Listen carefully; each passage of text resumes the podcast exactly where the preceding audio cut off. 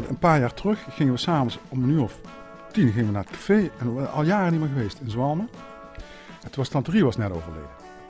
En eh, toen kwamen we in het café in de Plevuus. En er zitten drie mannen zitten op een bank.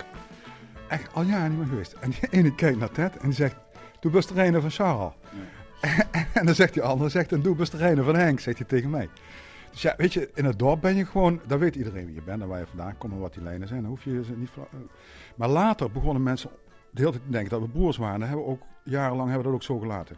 Dus nou, toen zeiden ze van, die, ik heb... die mythe hebben we in stand gehouden inderdaad. Uh, van, uh, omdat Han uh, wel eens op tv kwam en ik stond wel eens in de krant. of ook wel eens op tv. Van, goh, ben jij een broer van die, die praatjes maken die in de politiek zit? zeg ja, ik zeg dat is mijn broer. Dus, ja, dus dat kwam wel goed uit. En jij zat ook met mij wel een beetje te... Ja, ik ben een broer van die beroemde kunstenaar. Dus, dus zij dat het is, ook, het is ook een beetje alter ego werk, hè? Want, dan zien ze me een driedelig pak daar in de Kamer of in de directie van de Nederlandse Spoorwegen. En, en dan... Ja, nee, ik heb ook een, uh, ik heb ook een broer, die is kunstenaar, is een beetje wilde jongen. Ja, eigenlijk ben je dan zelf ook een beetje wild, weet je wel. Dus dat is op die manier straalt dat dan op me af. Ik denk wel dat ik dat gebruikt heb, ja. ja. Ik ook. Ja. In die zin hebben we elkaar... Uh, want als kunstenaar, eh, zeker in Limburg, is het nog altijd van... Ja, kunstenaars, dat zijn uh, dissidenten, dat zijn mensen die... die zijn niet lekker. Hè, want de kunst, dat uh, niks, dat, daar kun je niet verleven. En dan kon ik dat Han inzetten. Als, ja, mijn broer die zit in de Tweede Kamer, voor zat je toen? Ja, in de Eerste Kamer. Van de Eerste Kamer. dus inderdaad, voor, voor mij was Han ook wel eens een alibi van... Uh, ja, ja, maar het zit wel goed in de familie hoor, don't worry.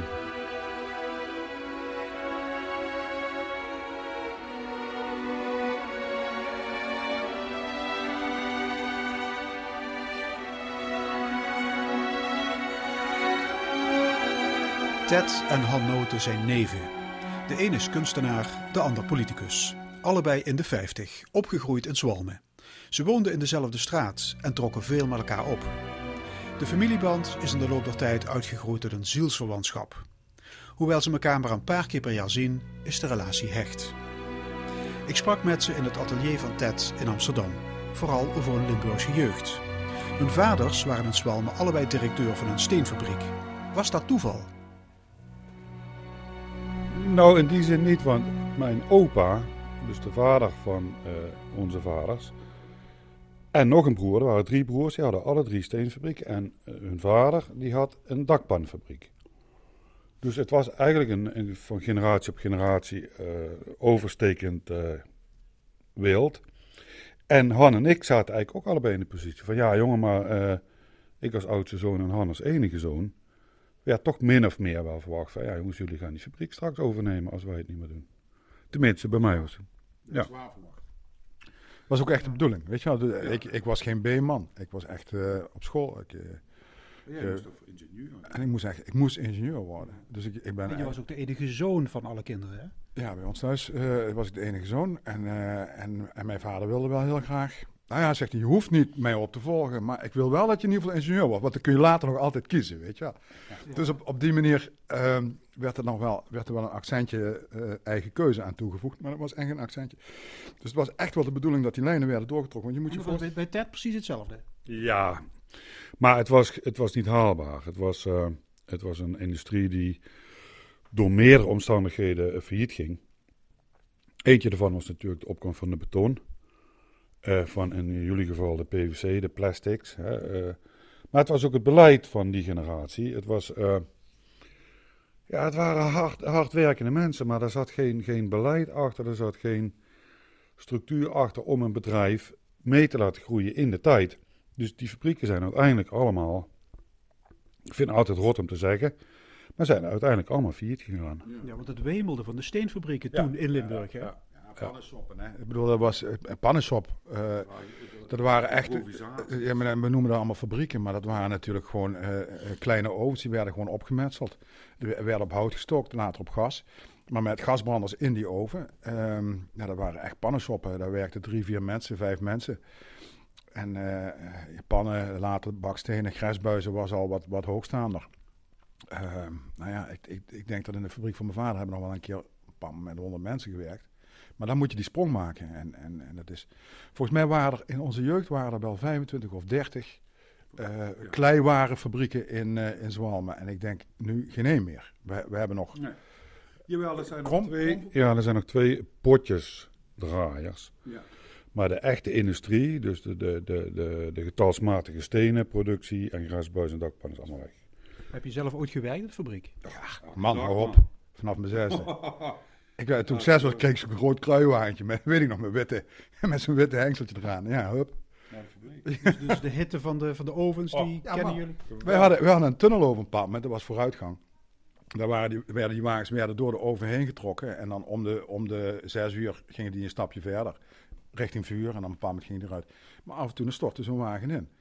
Uh, kwam allemaal, die troep kwam op het spoor te liggen. Nou, onder die tunnel was, was dus een soort gang gemaakt. werden die wagens uit elkaar getrokken. Viel die troep in die gang. Maar die gang was 1,40 meter hoog, 1,50 meter oh, hoog. maar, en dan deed mijn vader mij een asbestpak aan. Dus ik mannetje voor niks. En dan ging ik met een asbestpak maar dat was makkelijk, want je bent klein, je kunt er beter bij. erin. En dan uh, werd het leeggehaald. Ja, mijn zusjes ook trouwens. Ik was niet jullie zeiden niet van, pap, uh, bekijk het maar. Nee, want je was, dat vond ik het mooie van die tijd. Deels is dat uh, ook een verwijt naar die tijd toe. Maar deels was ook het mooie, je was deel van iets. Je, je was als kind verantwoordelijk. En je ging naar school, naar die fabriek. Even toch een hele kleine, een heel klein subtiel verschil Hanote was het zoontje van de fabrieksdirecteur. Want die hadden een groot fabriek. Mijn vader had zo'n geïmproviseerde, prachtige toestand met vier, vijf man personeel. Dus ik ging werken uit noodzaak. Hanote ging werken af voor de schijn, weet je. Want dat was meer een vader-zoon dictatuur. Maar financieel had dat geen impact. Bij mij wel. Ik ging die vrachtwagens meelaaien. Ik was... Jij werkte mee? Als kind was ik deel van die fabriek. En dat scheelde loonkosten. Ja, maar Han, het was de bedoeling dat jij later de fabriek zou overnemen. Daar had je geen zin in. En toen ben je psychologie gaan studeren in Nijmegen. Was dat een vorm van escapisme? Ja. Ja. Ben je, ben je dat weg met move, weg, wegwezen. ja, nou ja. Ik, heb, ik heb er vrij lang over gedaan om een middelbare school af te maken. Uh, en toen het klaar was, moest ik wel weg. Ik moest echt wel weg, ja. Ja, je hebt trouwens op vier verschillende middelbare scholen gezeten. Ja, heb je huiswerk goed gedaan, jongen. Ja. Zo is dat. ja. komt eindelijk het verleden naar boven weer. Ja. ja, dat is rijke luister, die ging naar privéscholen, weet je. Dat, uh, ja. En jij bent het hem gesmeerd naar Amerika. Ja, is dat ook escapisme, Ted? Ja, dat was deels escapisme, dat was deels... Uh, ik was meer een kind van de tijd. Uh, het hippie, de hippie-tijd, lange haren, Jack Kerouac. ja, die tijd gebruikten we alles LSD, dat heb jij nooit gehad. Nee. Mag je ook niet als Tweede Eerste Kamerlid. Ik zat meer in de experimenteerhoek. Of ik was eigenlijk gevoeliger voor die trend, denk ik. Jij was in die zin, jij zag dat ook al gebeuren, maar jij stond iets meer los van, van trends. En ik ging mee in die trend. En ik werd ook vegetariër en ik ging naar Amerika liften. En dat was toch wel een verschil, denk ik. Ja. Uh, ik was ja, uh, ja ik, ik, was, ik was uh, ja, misschien braver, misschien is dat woord, maar uh, ik was, ik was op die, in die tijd meer met cultuur bezig dan hij. Ja. dus ik ging naar theater, ik, ik probeerde ook zelf toneel te spelen. ik schreef veel in die tijd. Je hebt je zelfs aangemeld bij de toneelacademie. Ik heb, maar, ik heb het voorbereidend jaar gedaan in Amsterdam. Ja, op het laatste moment afgewezen. Ja, dan kunnen we lachen, maar... Nee, ik wou even gemeen Afgewezen. oh, sorry. het gebrek aan talent. Maar dat kan ik ook...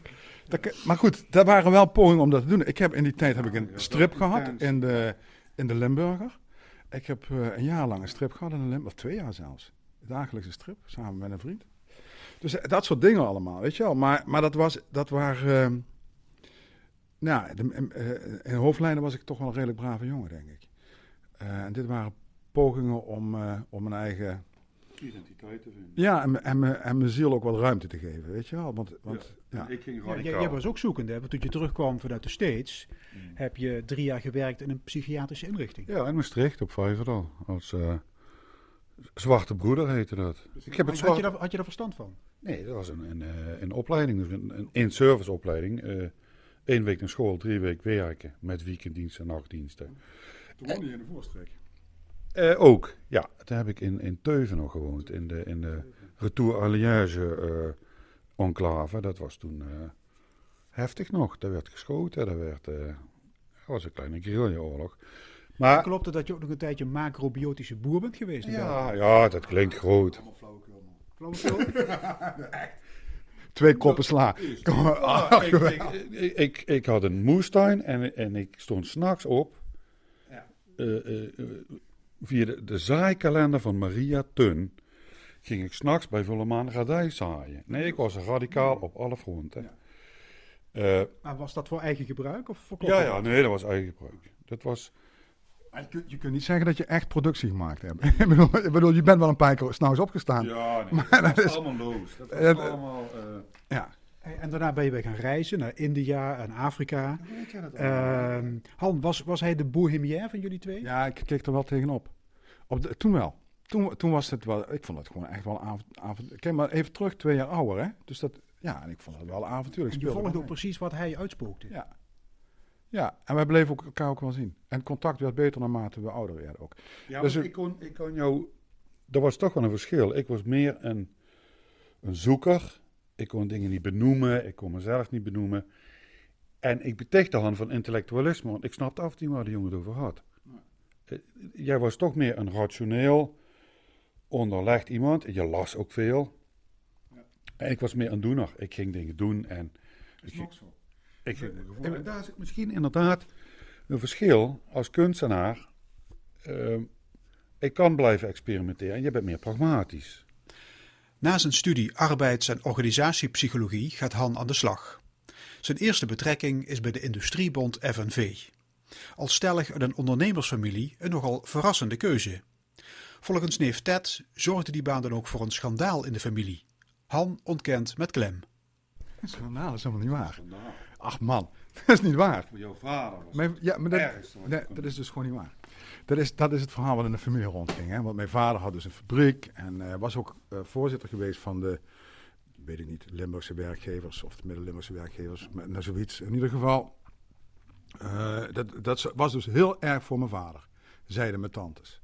Maar, maar de werkelijkheid is echt een andere. Ik zal je vertellen hoe het ging. Want ik, ik solliciteerde bij de Industriebond FNV en ik, ja, nou, ik werd aangenomen. Ik dacht, het ligt misschien niet goed thuis. Dus ik, ik bel mijn moeder.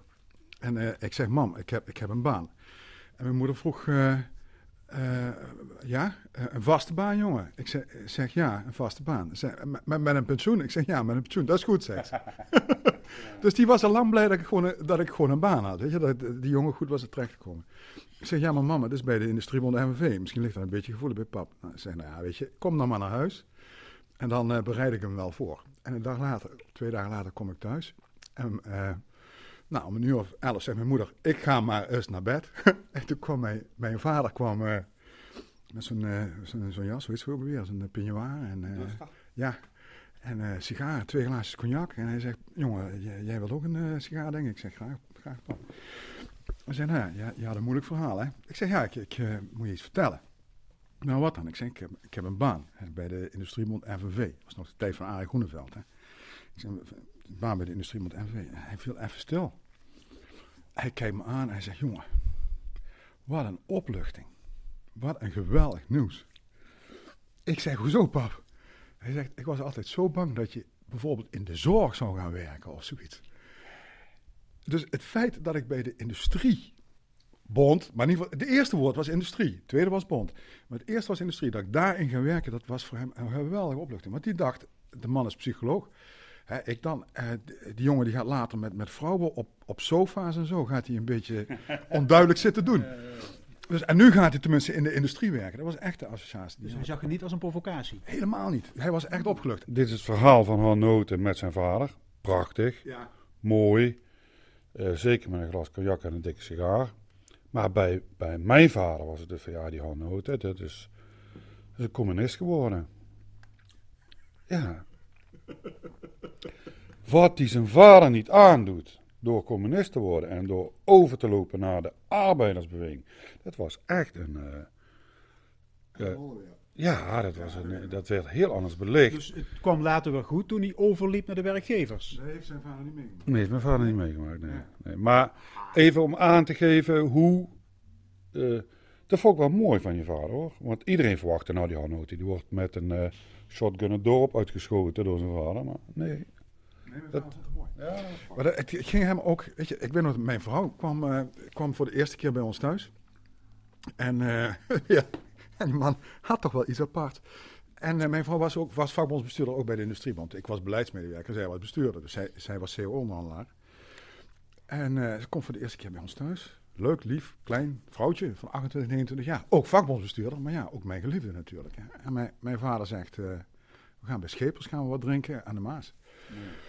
En Maas zegt, en, en wij daar gaan drinken en, we zitten daar met z'n vieren. En mijn vader kijkt mijn, mijn geliefde aan en zegt, zo Dorothee, ik wou het met jou hebben over prestatiebeloning.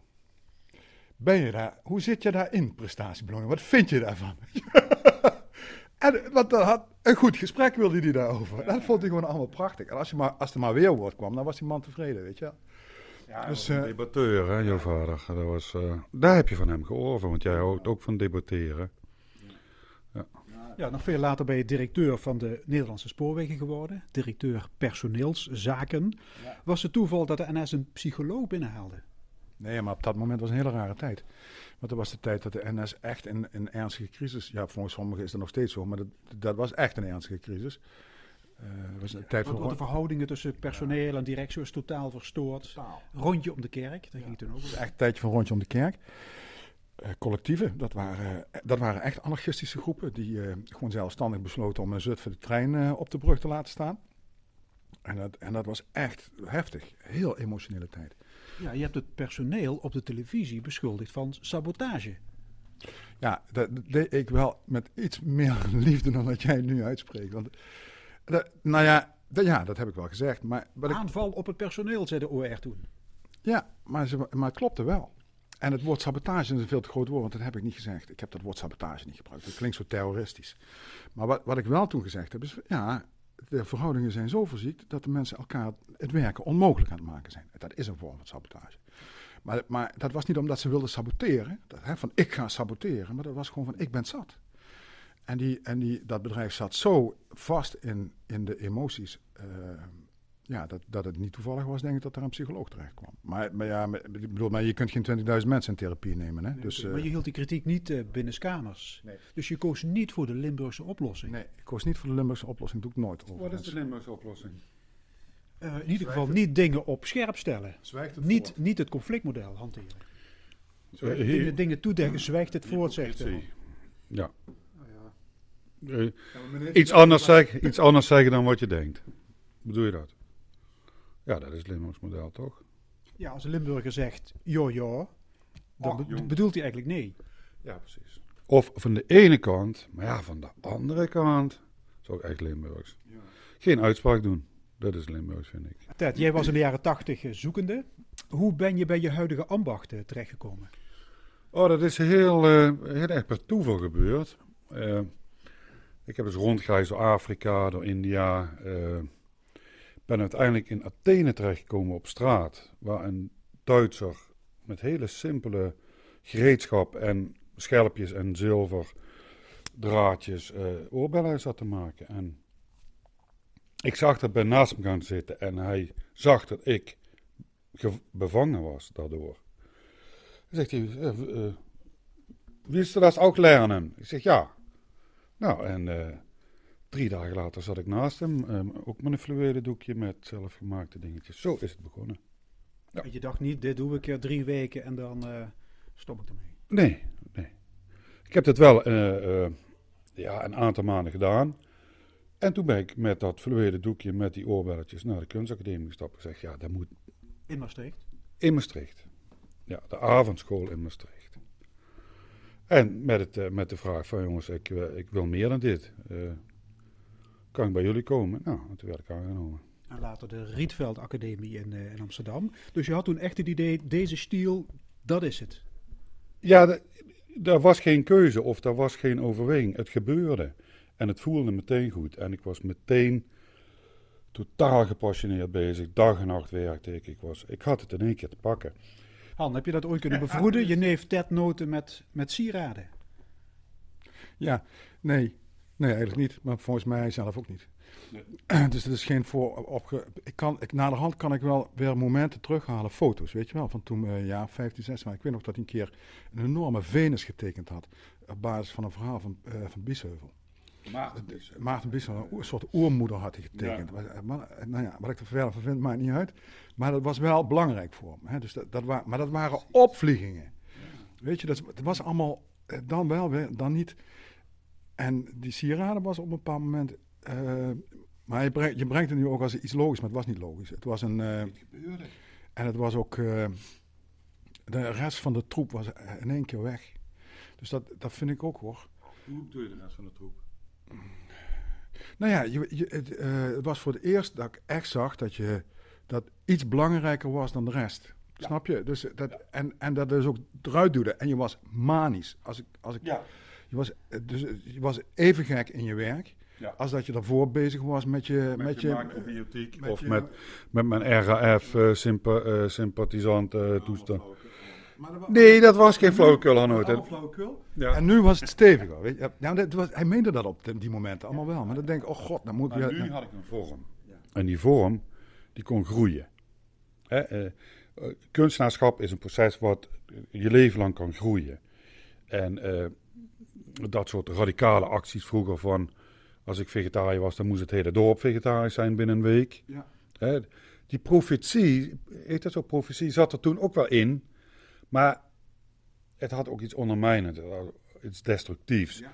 Terwijl nu had ik voor het eerst iets te pakken wat ja, eh, positief was, En groeiend. wat vonden ze daar thuis van? Ja, ja, ja, ja. Vul het maar in. Limburg, katholiek dorp. eh naoorlogse generatie eh, die zich kapot gewerkt heeft om hun kinderen een goede scholing te geven. En dan kom ik thuis, pap, ik ga naar de kunstacademie. Ja, wat denk je? Eh, dat, dat viel niet lekker natuurlijk. Totdat ik voor de eerste keer in de Limburger stond, geloof ik. Met een interviewtje of een fotootje. En toen...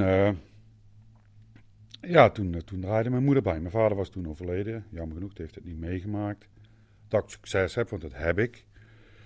Maar voor mijn moeder was het op een gegeven moment... Ging zo eh, op de muur allemaal krantenartikelen opplakken. En... Jongen, ik ben zo trots op dich. Mooi, hè? Dus ja, het bewijs was toch dat... Op het moment dat je in de krant staat, dan heb je een bewijs... dat het zin heeft wat je zoon doet. Ja, ik kan het haar niet, en mijn vader ook niet, kwalijk nemen. De kunst was in Limburg, eh, ja, bestond niet.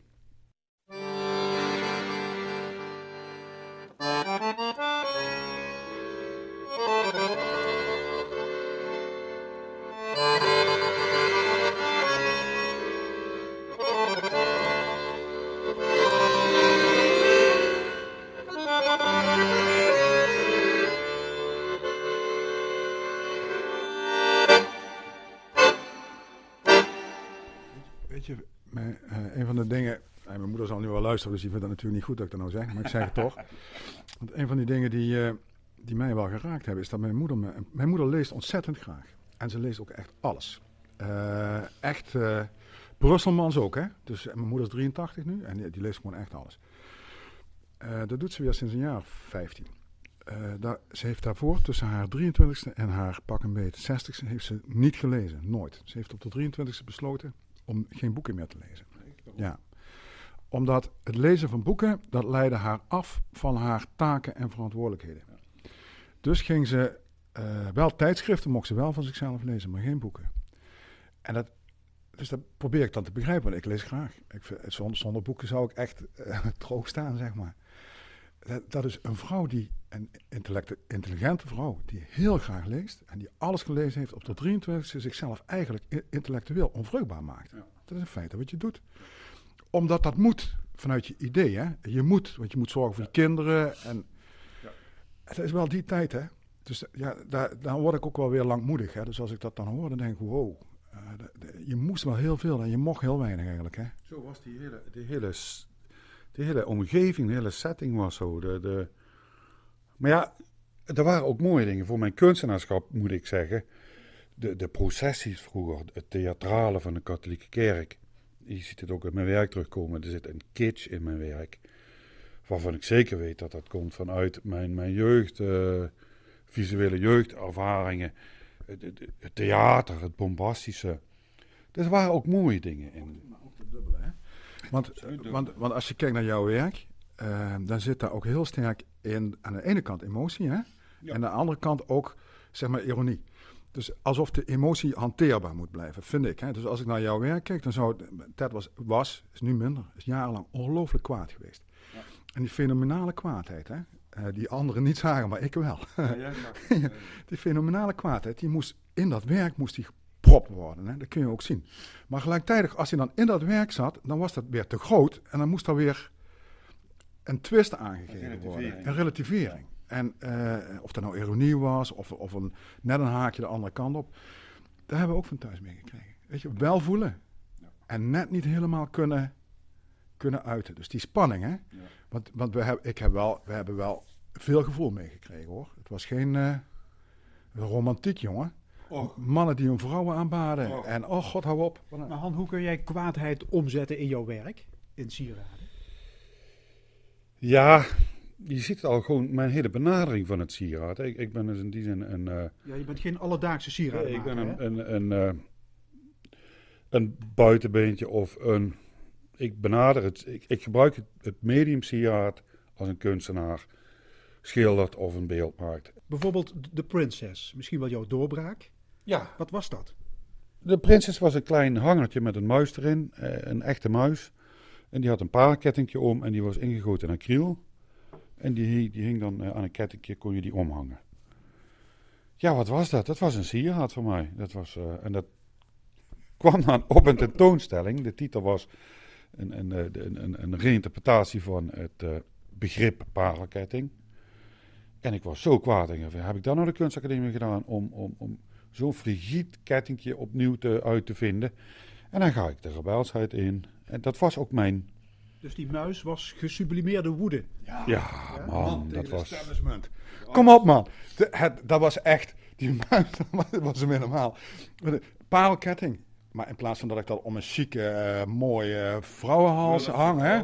Wulpse vrouwen met een, met een grote boezem, want dat is het beeld wat je hebt met een parelketting. Ja. dat is, dat is die aantrekkelijke tante, hè, weet je wel? Die, hè, dat is die parelketting. Dat doet hij doet hij om een muis. Ja. Dat is toch gewoon, dat is gewoon een belediging. En, dus je maar wel, de, de burgerij op stang jagen.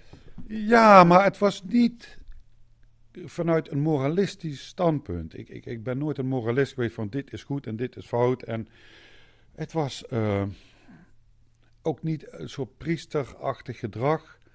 Ik moest ageren, ik moest fulmineren, ik moest... Uh, dat, een rebelsheid. En, en het erge, ik heb, ik heb vier jaar geleden een prijs gewonnen, de hoogste prijs binnen het sieradenvak dat ik echt totaal wezenloos door de stad liep van ik ben, mijn, uh, ik ben in één keer gelegaliseerd. Die gaat mis, wat moet ik nog? Ik, uh, dat ik die prijs dus uh, wilde weigeren, de, de Françoise van de Bosprijs. En ik mijn moeder bel, ik zeg, mam, wat moet ik ermee? Zeg ze, ja, zeg, ze zit daar geld aan vast. Ik zeg, ja, ja, nou Ted, wat denk je? Pakken! Ja.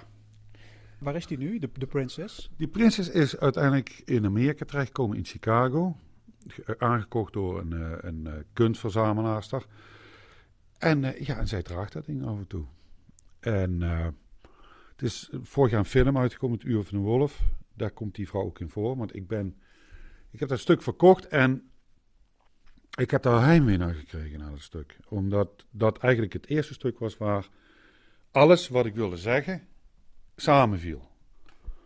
En dat stuk is na twee maanden verkocht en ik heb dat nooit meer gezien. Ik heb dat 15 jaar niet gezien. Dus we zijn toen met de filmcrew op zoek gegaan naar de prinses. En uiteindelijk hebben we haar gevonden in Chicago. Maar die mevrouw wilde hem niet meer afstaan? Ik wilde hem terugkopen. Maar toen ik zag waar die muis woont en, waar, en hoe zij ermee omging, dacht ik, nee, hier hoort ze. En toen, uh, toen was het goed. Ja, maar dat recalcitrante en dat, dat ironische, zit dat in de genen van de familie Noten? Nou ja, voor een deel wel, ja. Maar het is ook Limburgs. het speelt Het is ook een bepaalde manier aaihoren, hè? Ja. Het, is, het, is, het is een soort aaihoren, maar dan wat... Uh... Oh, dat is misschien een leuk moment om mijn... mijn je, je, haiku, mijn je hebt op ons verzoek een haiku geschreven. Als je het hebt over dit... dit uh, val kapot, doe gek, shit in de boom met proemen en hou er vot blauw. Wauw. en hou er wat blauw. Blauw. Nog een keer.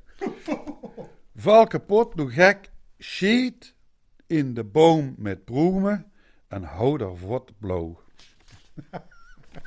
Dit is nou, vind ik echt Limburgse. Zie, zie, je die, zie je die intens tevreden blik die hij heeft? Ja, maar ik heb nog een hele serieuze, dus. eh Maar ik vind hou er komen. wat blauw. Dat is wel heftig. hou er wat blauw. Nou, deze is eigenlijk. Mijn, mijn, mijn eh, moeder is overleden een half jaar geleden. En het was een van de.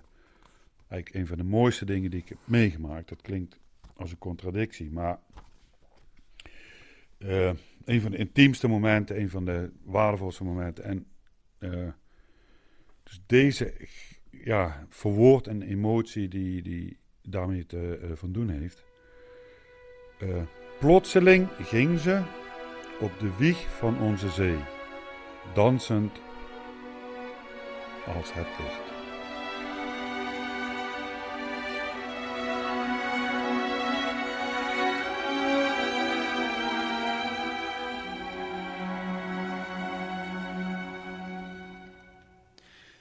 In 2003 wint Ted Noten de Harry Tilly-prijs van de gemeente Roermond. Een prijs voor vrije vormgeving.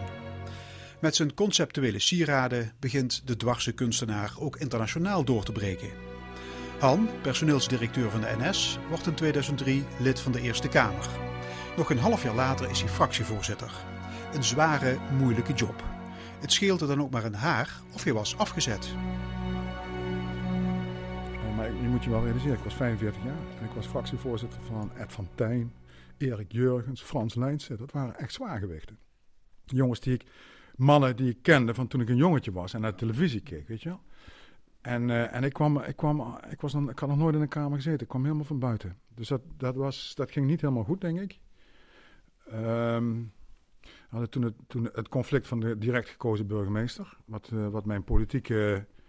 eh, Ook daarom heb je die wet gewijzigd, al nota. Nee, nee, Ben je gekozen als burgemeester? Nee, ben, nee ik, ben, ik ben door de gemeenteraad ben ik gekozen. Ja. Ja, de PvdA was toen tegen de gekozen burgemeester. Wij in de Eerste Kamer. In de Tweede Kamer was de PvdA voor.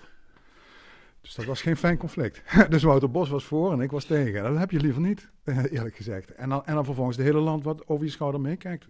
En je bent net twee, drie maanden ben je fractievoorzitter. En, en zo'n enorme man, eh, vind ik echt hoor, als Ed van Tijn is fractiewoordvoerder. Daar, daar, voel ik me wel, eh, daar voel ik me wel een beetje tussen vermanen in die krachten.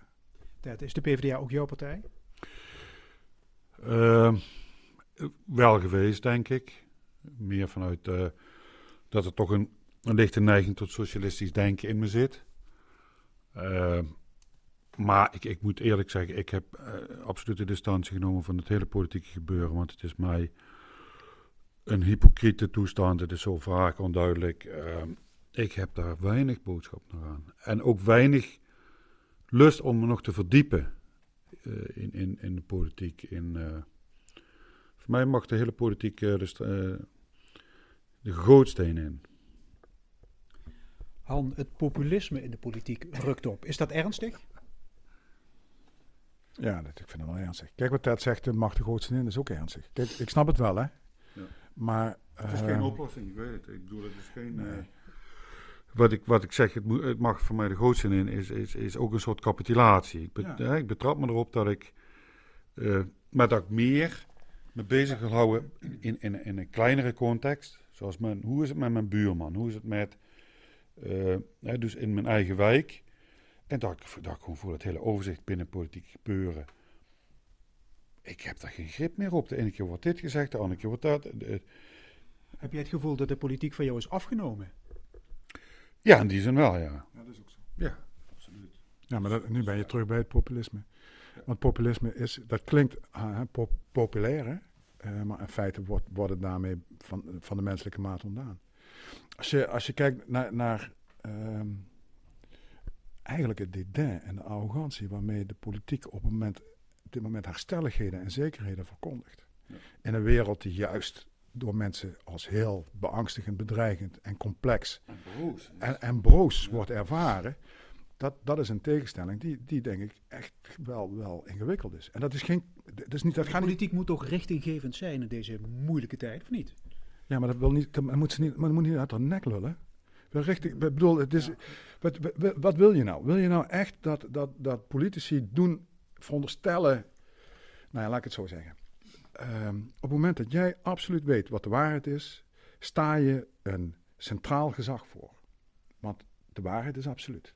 Ja, hier zitten oud-katholiek. Ik ben nog steeds katholiek, maar met de kerk heb ik niks. Want de waarheid is niet absoluut. En de absolute waarheid gekoppeld aan het absolute gezag, daar ben ik allergisch voor. Voor mij is politiek vormgeven van maatschappelijke verhoudingen waarin burgers met elkaar een samenleving vormen. Dat is een werkwoord. Dat is geen zelfstandig naamwoord, dat is een werkwoord. Dat doen ze met elkaar. Dat betekent dat je dat centrale gezag, dat je dat moet relativeren als politicus. Dat doe ik. Ik voel me in die zin een twijfelende sociaaldemocraat. Wordt me ook verweten, want twijfel, dat verkoopt slecht op dit moment. Maar ik voel me een twijfelende sociaaldemocraat en ik vind dat dat ook zo moet zijn. Dat is een paradox overigens. Ik weet met zekerheid dat twijfel noodzakelijk is. Ja, alleen door twijfel kun je. Maar je kunt ook zeggen, het populisme, de stem des volks, dat is de ultieme democratie. De, de, politiek moet beter naar de mensen luisteren. Levensgevaarlijke klets. Nee, want het veronderstelt namelijk dat je bijna zou kunnen zeggen: de golven hè, van de emotie van de massa. Want dat is populisme. De golven van de emotie van de massa. Die moet ik vertalen naar bestuurlijk handelen. Weet je wat dat betekent? Dat betekent onderdrukking van de minderheid. Dat betekent het. Het is de tirannie van, van het gepeupel. Echt de klassieke betekenissen. En dat is de, eh, absoluut, als je het hebt over democratie. Dat is dus geen democratie. Nee, democratie, democratie, is respect voor de minderheid. Eh, democratie is vanuit grondwaardes respect voor minderheden. En dat heb je met elkaar zo georganiseerd. Als ik trouwens het woord gepeupel gebruik, dan bedoel ik dat echt in de klassiek Romeinse betekenis. Hè? Dus echt de massa. De massa moet je lief hebben, maar niet volgen. Je moet, je moet begrijpen wat ze voelt, maar je moet niet, haar niet gehoorzamen. Dat vind ik echt. Als politicus heb je de taak om ervoor te zorgen dat het systeem ook in stand blijft. En eh, dat betekent dat je ervoor zorgt dat homo's worden gerechtvaardigd, eh, worden beschermd. Omdat, omdat ze toevallig een andere seksuele voorkeur hebben, kunnen ze niet worden uitgesloten. Hetzelfde geldt voor geloof, geldt voor politieke opvattingen, geldt voor culturele uh, achtergronden enzovoorts enzovoorts. Kijk, en daar is kunst natuurlijk een vrijhaven. Ik hoef mij niet te verantwoorden. Kunst. Nee, maar is het zo dat populisme in zekere zin ook is doorgedrongen tot het domein van de kunst? Ook, absoluut. Overal. Eh, deels het noodzaak. Hè. Je, ziet... maar, kunst mag niet te elitair, niet te highbrow zijn. De gewone man moet het allemaal kunnen snappen. Nou, daar ben ik niet mee eens. Want uh, mijn, mijn vrouw snapt ook niks van uh, wat buitenspel is in de voetballen. Dus uh, dat hoeft ze voor mij ook niet te snappen. en, en, en trouwens, dat vind ik ook weer zo'n verhaal. Hè. Voor een voetbalkaartje betaal je 60 euro. Dat is helemaal, helemaal geen punt. En als je een keer naar de opera gaat en je betaalt 45 euro, is het in één keer elitair. Dat is onvoorstelbaar. Dit is belachelijk. Als je, als je kijkt naar wat er aan maatschappelijk... Voetbal is elitair. Als je kijkt naar wat er maatschappelijk geld gaat naar voetbalstadions en voetbalclubs, is dat echt onvergelijkbaar in vergelijking met, met hoge kunsten. Goed, klaar. klaar. Uh, nu even niet vandaag, weet je wel. Ja. Want, het, is, ja. want het, is, het is jammer. Het is, het is zo jammer om je als politicus te verwijderen van, zo, van kunst. Dat moet je gewoon helemaal niet willen. Je moet dat aangaan met die kunst. Je hoeft het niet mooi te vinden. Hè? En je kunt ook soms zeggen van aan die kunst betaal ik niks. Dat moet die kunstenaar zelf doen. Dat vind ik allemaal prima. Dat, kan allemaal. Maar verwijder je niet. geen dédain. Geen afwijzing. Geen vernedering. Maar, ook uh, even terug op... Het is erg actueel dus op dit moment dat binnen de kunsten op een schandalige manier gesnoeid wordt. Uh, daar vind ik dus absoluut het failliet van een cultuur. En dan hebben we het over 200 miljoen euro. Hè? Uh, het is het failliet van, van, van, uh, van, van een bepaalde uh, cultuur, nee, van, van, van een zachtheid, van een bemindheid naar de, het, de mensheid. Ik vind het failliet van de mensheid wat hier gebeurt in Nederland op dit moment. En, en dan gaat het om, als het nou structureel de zaak zou, zou klagen, maar dit, dit, zijn ziekelijke... Uh, Maak je kwaad, jongen. Oh, ik kan hier zo kwaad over worden, echt. Over... Maar het kabinet zegt, het, het automatisme van die subsidies, dat moet maar eens afgelopen zijn. Helemaal mee eens. Absoluut voorstander van. Maar dat wil niet zeggen, ik vind ook dat het hele subsidiesysteem herzien moet worden, herbeschreven moet worden. Maar ik vind wel dat het geld wat in de subsidiepot gaat, uh, gaat vertienvoudigd moet worden. Maar het moet wel in, in een nieuwe, uh, opnieuw beschreven worden. Want ja, natuurlijk, als iets twintig jaar niet herzien is, dan eh, ontstaan er mazen en dan zijn er altijd mensen die er misbruik van maken. En denk je dat dit in de bouw niet gebeurt? Hoeveel is er in de bouw gefraudeerd? Is daar ooit eh, iemand voor het peloton gezet? Hannoot, dat moet jij toch weten? In de bouwfraude. Ja, er zijn wel mensen voor het peloton gezet, bij wijze Ah, spreken. Ja, ja, ja. Ja, maar, nee, maar, kunstenaars ook niet. Maar ja. eh, we geven niet zo heel veel aan kunst uit. Je mag dat op zichzelf best ter discussie stellen. Dat mag ook allemaal. Maar waar het om gaat, is dat je het belang van dat andere, van dat niet alledaagse in een samenleving, dat moet je met elkaar wel delen. En dat belang, dat zit hem in een harmonie waar je naar luistert. Maar dat belang zit hem ook in een ballet waar je naar kijkt. Dat zit hem ook in een, in een schilderij of een object of in een, in een performance. Of in fanfare. Of in een fanfare. En, en, en het moet niet zo zijn dat je zegt, nou ja, in de fanfare en harmonie, dat is prima. En de rest is allemaal elitair. Eh, en dat vind ik zo'n jammer, eh, jammerlijke tweedeling. En die, en die maakt, even terug naar dat verhaal van mijn moeder. Weet je wel, mijn moeder leest alles, ook Brusselmans. Dat is verrijkend. Zelfs voor een vrouw van 83. Ook Marquise de Sade? Dat weet ik niet, jongen. Dat is van voor mijn tijd. Maar ik denk dat Brusselmans overigens heftiger is dan Marquise de Sade. Oh nee, dat denk ik niet. Maar, eh, maar ja, maar, maar goed, het, het, het, eh, het heeft, het- door de hele geschiedenis heeft zich bewezen dat ogenschijnlijk onnodige zaken zoals kunst repercussie hebben op, eh, op de geest van een volk. Eh, Ik kan me En herinneren trouwens dat je in die televisiedocumentaire zei van... Het gaat mij niet om mooi. nee. Waar gaat het wel om? Het gaat om, om be- het- het- bezieling. Het gaat om dat je geraakt wordt. Dat je. eh, ja, het, het is een cliché, maar verwondering. Zo, Volgens mij is het tijd voor mijn haiku. Goed. Tijd, tijd voor mijn haiku, mag dat? De haiku van handnoten. Eh, want die gaat hierover. Tenminste, dat denk ik. Tenminste, dat hoop ik. Verkwanselde tijd kabbelt glimlachend voorbij. Stilstaand water stinkt. Dat is hem. Ja. Dat beschrijft inderdaad eh, dat wat we net hadden. Ik vind de laatste zin mag iets pittiger. Stilstaand water riekt. Dat is. Ik heb, ik heb me weer laten verleiden door de twee S'en. Hè. Stilstaand water stinkt, weet je wel. En dan doe je er weer zo'n alliteratie in. Dat doe je gewoon eigenlijk alleen maar om de mensen te behagen. Hè. Ja. Eh, dus daar heb je wel een punt. Dat is eigenlijk weer politicus. Nee, dat is niet politicus zijn, dat is gewoon dat is Limburgs, gewoon willen behagen. En dat is ook niet altijd verkeerd, ja, dat is soms ook gewoon goed. Hè, dus soms mag dat, vind ik. Kabbelt. Kabbelt is water, ja. Verkwanselde tijd kabbelt glimlachend voorbij. Dat is. Stilstand water stinkt. Ja, jullie zijn beide vijftigers. Zijn er nog ambities? Onvervulde dromen? Ik, heb, ik, heb, ik ben nu sinds een half jaar ben ik burgemeester van Dalsen. En ik heb voor de eerste keer in mijn leven dat ik denk... van verrekt, ik kom als een keer mijn laatste baan zijn.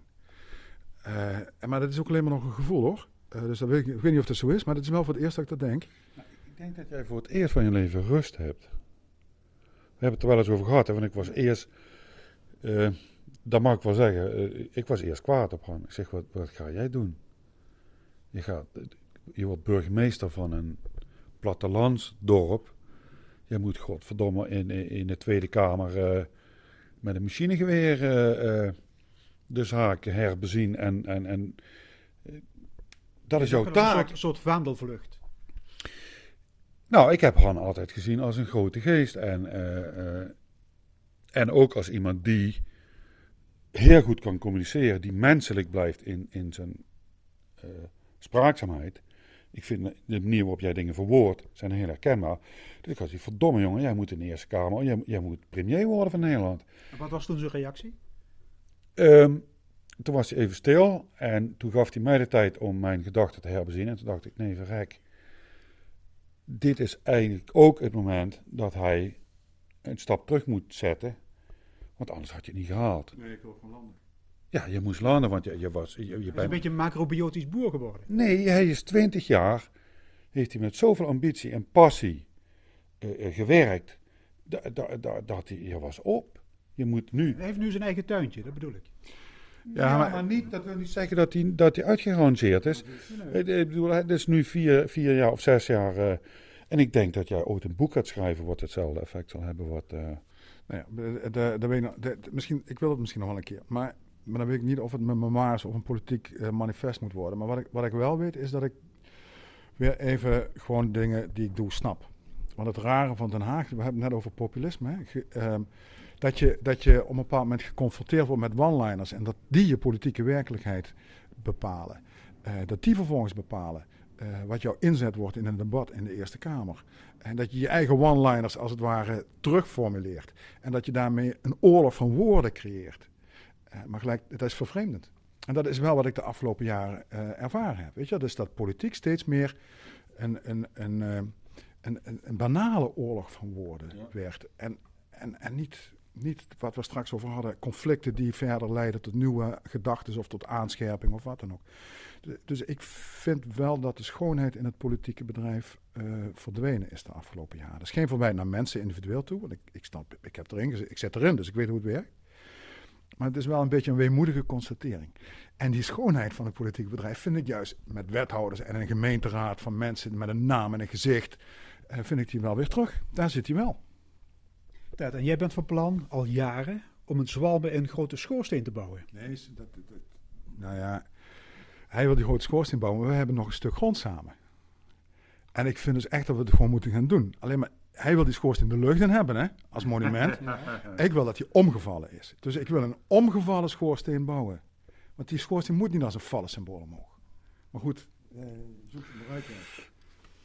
Nou ja, de, de, uh, het, het, is inderdaad ooit een plan geweest om een, uh, een schoorsteen naast de, de kerk te bouwen als hommage aan de industrie die, die uh, uh, ja, op een botte manier weggeruimd is. Er is ook, uh, op zijn minst hadden ze één schoorsteen moeten laten staan als symbool van, van, van 100 jaar. Het is 100 jaar industrie geweest. Ja. Plus het was natuurlijk ook een soort heerlijke rebelse aantijging naar de katholieke kerk. Want die kerktoren staat er wel nog, die schoorsteen niet. Dus vandaar het idee precies lang, langs die kerk zetten en dan net 1 centimeter hoger dan die verrekte toren. Maar goed, dat, dat kan altijd nog. Je moet ook dingen in een droom uh, rugzakje houden. Je hoeft niet alles te verwezenlijken. Dingen kunnen je ook motiveren zonder dat je ze daadwerkelijk. Uh, of, de, of de gedachte is natuurlijk ook al een heel groot goed.